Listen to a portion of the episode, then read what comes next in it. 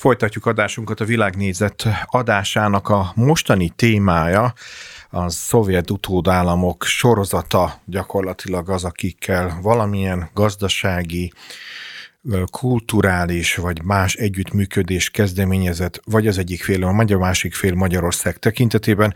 És friss bejelentés az az, hogy éppen túl vannak a választások azt nem talán nem mondanám, hogy zöggenőmentes sorain, de Kirgizisztán is gyakorlatilag lehetőséget kapott arra, hogy új elnökként megreformálja a gazdaságát és a gazdasági élet különböző csápjait kiterjessze akár az Európai Unió térségeire, és ezek közül elsőként a kapcsolatot Magyarországgal vette fel az új elnök, és ez a látogatás már be is lett jelentve, tehát valamikor várhatólag a közeljövőben az azeri elnök után Kirgizisztán elnöke is érkezni fog hozzánk.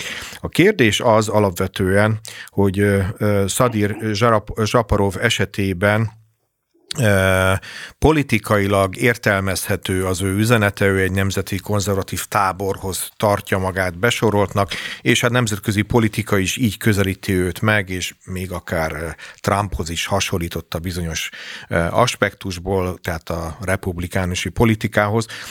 Ugyan ő börtönben is ült a politikai nézetei és ebből fakadott akciói kapcsán is. Hogy látja azt az elemző, hogy Kirgizisztánban az új elnök az egy ilyen hős effektusból került-e a pozíciójában, vagy igazából ez egy jól megérdemelt politikai programnak a következménye. Professzor dr. Vasa László főtanácsadó, vezető kutató, a külügyi, gazdaság, külügyi és külgazdasági intézettől a vendégem. Jó napot kívánok, üdvözlöm itt a Hit Rádió vonalában. Jó napot kívánok, üdvözlöm a hallgatókat. Nos, mit mondhatunk el Zsaparovról? Előjáróban szeretném megjegyezni, hogy a Szovjetunió felbomlása óta a másik négy eh, közép-ázsiai országban, ugye Tajikisztán, Türkmenisztán, Kazaksztán és Üzbegisztánban az elnökök váltását nagyrészt hivatali eh, időben történt elhalálozás és vagy eh, gondosan kezelt utódlás befolyásolta. Itt azért ezzel nem. Szemben, igen, ezzel szemben Kirgizisztán abszolút kivételnek számít, hiszen a tiltakozások miatt, a tiltakozások okán négyből három elnököt megbuktattak, ami azért eh, is nagyon érdekes, mert, mert hogy a nyugat egyébként Kirgizisztán tartja a legdemokratikusabb államnak eh, Közép-Ázsiában. Ugye a régi többi országához képest Kirgizisztán valóban nagyobb teret enged a civil társadalomnak és az ellenzéki politikai tevékenységnek, nyitottabb és dinamikusabb politikai környezet jellemzi. Mindazonáltal nem volt meglepő, hogy Zsaparov kivételesen nagy hatalomba tett szert, és megnyerte a, a kirgizisztáni választásokat. Ugye a 79%-át szerezte meg 2021-es választáson, és fontos még kiemelni, hogy hogy ezzel egy időben tartottak egy népszavazást is az alkotmány hátírásáról, és ez egy nagyon komoly, az előzőhöz képest egy, egy nagyon nagy elnöki jogkörre ruházza fel ezt a tisztséget, illetve aki ezt gyakorolja. Ugyanilyen arányban fogadták el egyébként ezt a alkotmánymódosítást, de hozzá kell tenni azt is, hogy Kirgizisztán a 2020-as októberi parlamenti választások óta válságban volt. Ugye a Zaparov hatalomra jutása az egy zavaros időszak lezárását is jelenti. Ugye egy, egy, az említett 2020-as, 2020 októberi egy vitatott parlamenti választást követően megkezdődött az ország függetlenné válása óta. A harmadik radikális politikai felfordulás, ugye Zsaparov még börtönben is ült, 11 és fél éves börtönbüntetését töltötte egyébként.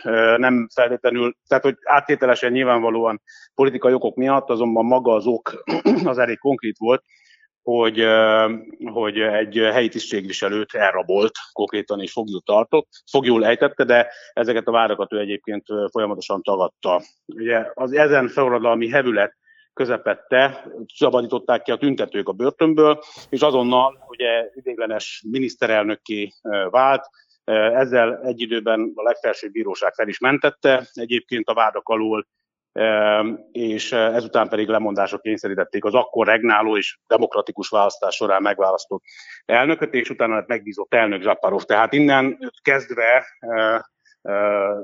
mondható, hogy, hogy ebben a magas pozícióban ő elkezdett aktívá válni. Azonban, ahogy említettem, ugye, hogy most ő börtön viselt, ezért meglehetősen relatív. A szovjet utódállamokban ugyanis az igazságszolgáltatás gyakran szolgálja az aktuális politikai érdekeket, így, így az ő börtön múltja semmilyen bizonyosságot nem jelent tulajdonképpen a, a bűnössége kapcsán. Az ellene felhozott vádakat, ahogy említettem, ő maga mindig is politikai indítatásúnak minősítette, illetve ne feledjük azt sem, hogy Közép-Ázsiában alapvetően törzsi, azaz íratlan törvények uralkodnak a mai napig, melyet a formális igazságszolgáltatás nem feltétlenül tud kezelni. Hm. A, és az átérve a populizmusra, ugye a Zsaparova, a Mekencsil, ugye hazafi politikai pártja, különösen népszerű Kirgizisztán vidéki részein, hívai gyakran igazi hazafinak nevezik, és népviseletben jöttek találkozni vele, és ebben az összefüggésben Zsaparov felemelkedését a rendszer radikális megváltoztatására és Kirgizisztán politikai környezetének újra definiálására irányuló erőfeszítések kísérték, mondhatjuk, és uh, ugye nagyon gyakran beszélt Zsaparov a kampányában a hagyományos értékekről, különösen az alkotmány újraírásáról, amelyben egy új uh, hatóság, mondjuk úgy, a népi kurultáj, hogy ez a név ismerős Magyarországról, hiszen itt minden évben megrendezésre kerül, a törzsi gyűlés jönne létre, és ez a törzsi gyűlés felügyelni az elnököt és a parlamentet, és itt visszakanyarodunk megint a, a, a klán jellegű viszonyokra, amit említettem az igazságszolgáltatás kapcsán. Ebben, ebben a sajátságos kontextusban egyébként a nyugati ö, politikai jellemzők, a nyugati társadalmak egyáltalán ezt tudják értelmezni?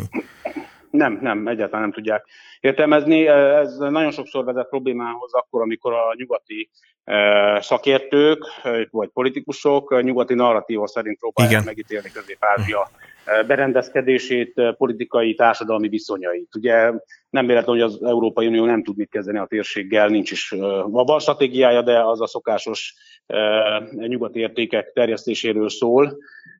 Valójában nem tudják, nem is akarják elfogadni, hogy itt másképp működnek a társadalmak, másképp működik a politika, másképp működik a vezető kiválasztása. Ez egy másik történet.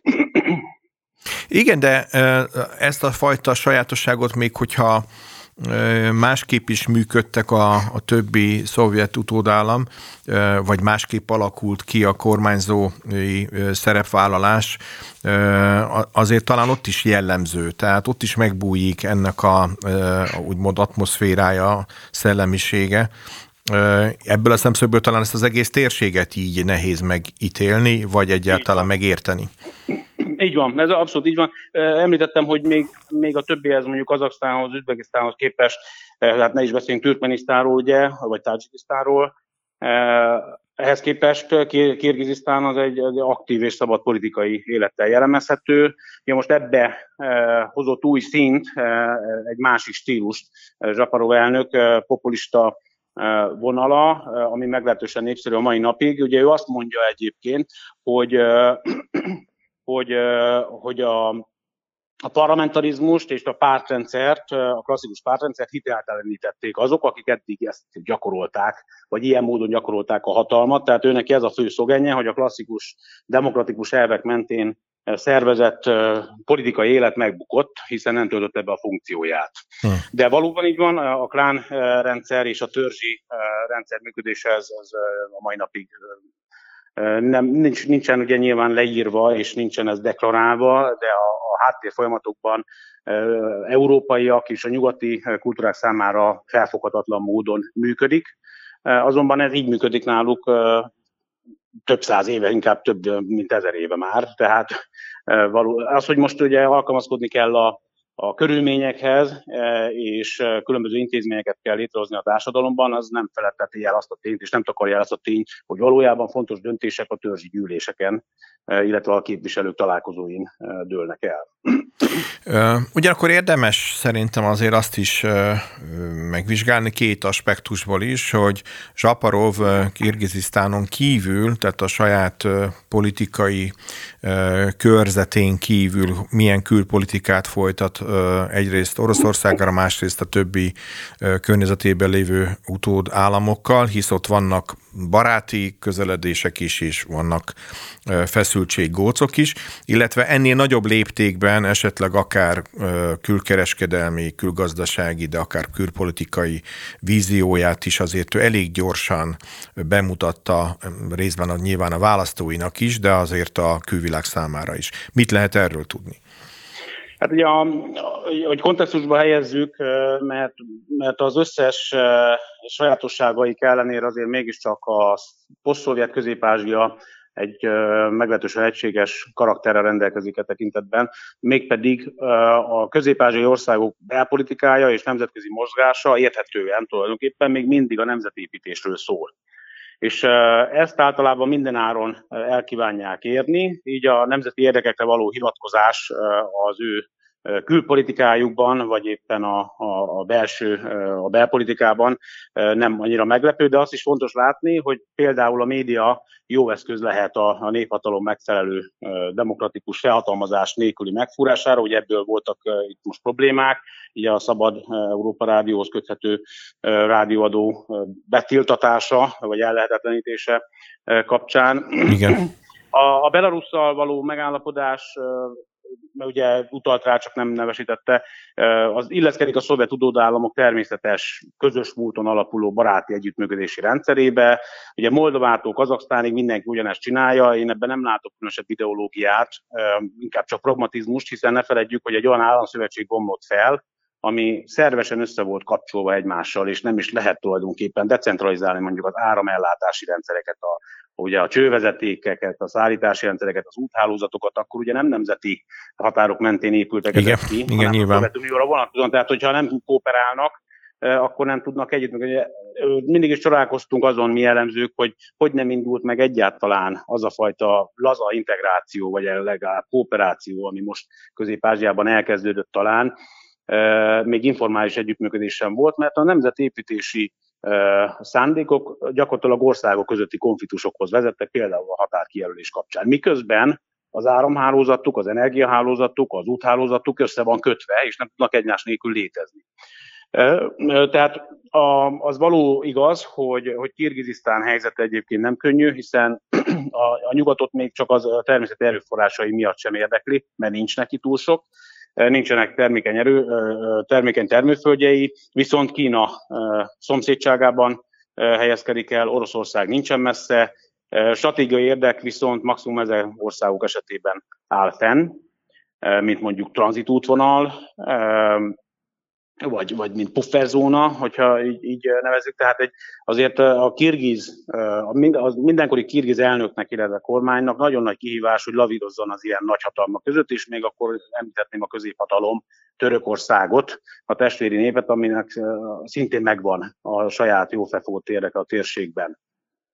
Igen, és ugye e, e, erről ő aztán már ad is nyilatkozatokat, sőt ugye az új gazdasági programjában, amit ugye a Made in Kirgizisztán néven hirdet meg, ki is nyilvánítja ezekkel a nagyhatalmakkal való kooperatív viszonyt. Ő még beemelte egyébként érdekes módon még példát is hoz Indiára, hogy, hogy, hogy szokásosnál nagyobb az érdeklődés India irányából Kirgizisztán felé, tehát van, van, van valóban ennek a lavírozási ö, taktikának létjogosultsága, bármilyen irányultsága is legyen, ezek szerint a mindenkori kirgiz elnöknek. Ö, mi lehet ebben egyébként a magyarországi destinációban ö, fantázia? Hát nekik Magyarország és a magyarok testvéri népként jelennek meg, és jelenik meg az ország is. Ugye a legnyugati ázsiai országként gondolnak rá, ugyanúgy, mint a kazakok, ugye a kazak és kirgiz nép meglehetősen közel áll egymáshoz kultúrájában, nyelvében, tudatában is. Így, így nem meglepő, hogy Magyarországot választják mondjuk Közép-Európában, hiszen itt gondolják úgy, és itt tapasztalják úgy, hogy valóban partnerként bánnak velük. Ugye nagykövetségeket nyitottunk egymás országában. Ez egyébként nem Zsaparovhoz kapcsolható, hanem már a korábbi elnökök Igen. is így gondolták. Tehát, hogy a nagykövetséget is nem Zsaparov alatt nyitottuk. Nyilván, ha, ha van egy szándék, hogy stratégiai kapcsolati szintre emeljük az országaink közötti kapcsolatot, akkor az meg is tud történni, főleg, hogyha ilyen pozitív, pozitív hozzáállás tapasztalható az ország vezetői részéről. Magyarország számára ez nyilván a keleti nyitás politikájába illeszhető, azaz próbáljuk az exportunkat és a külgazdaságunkat diversifikálni.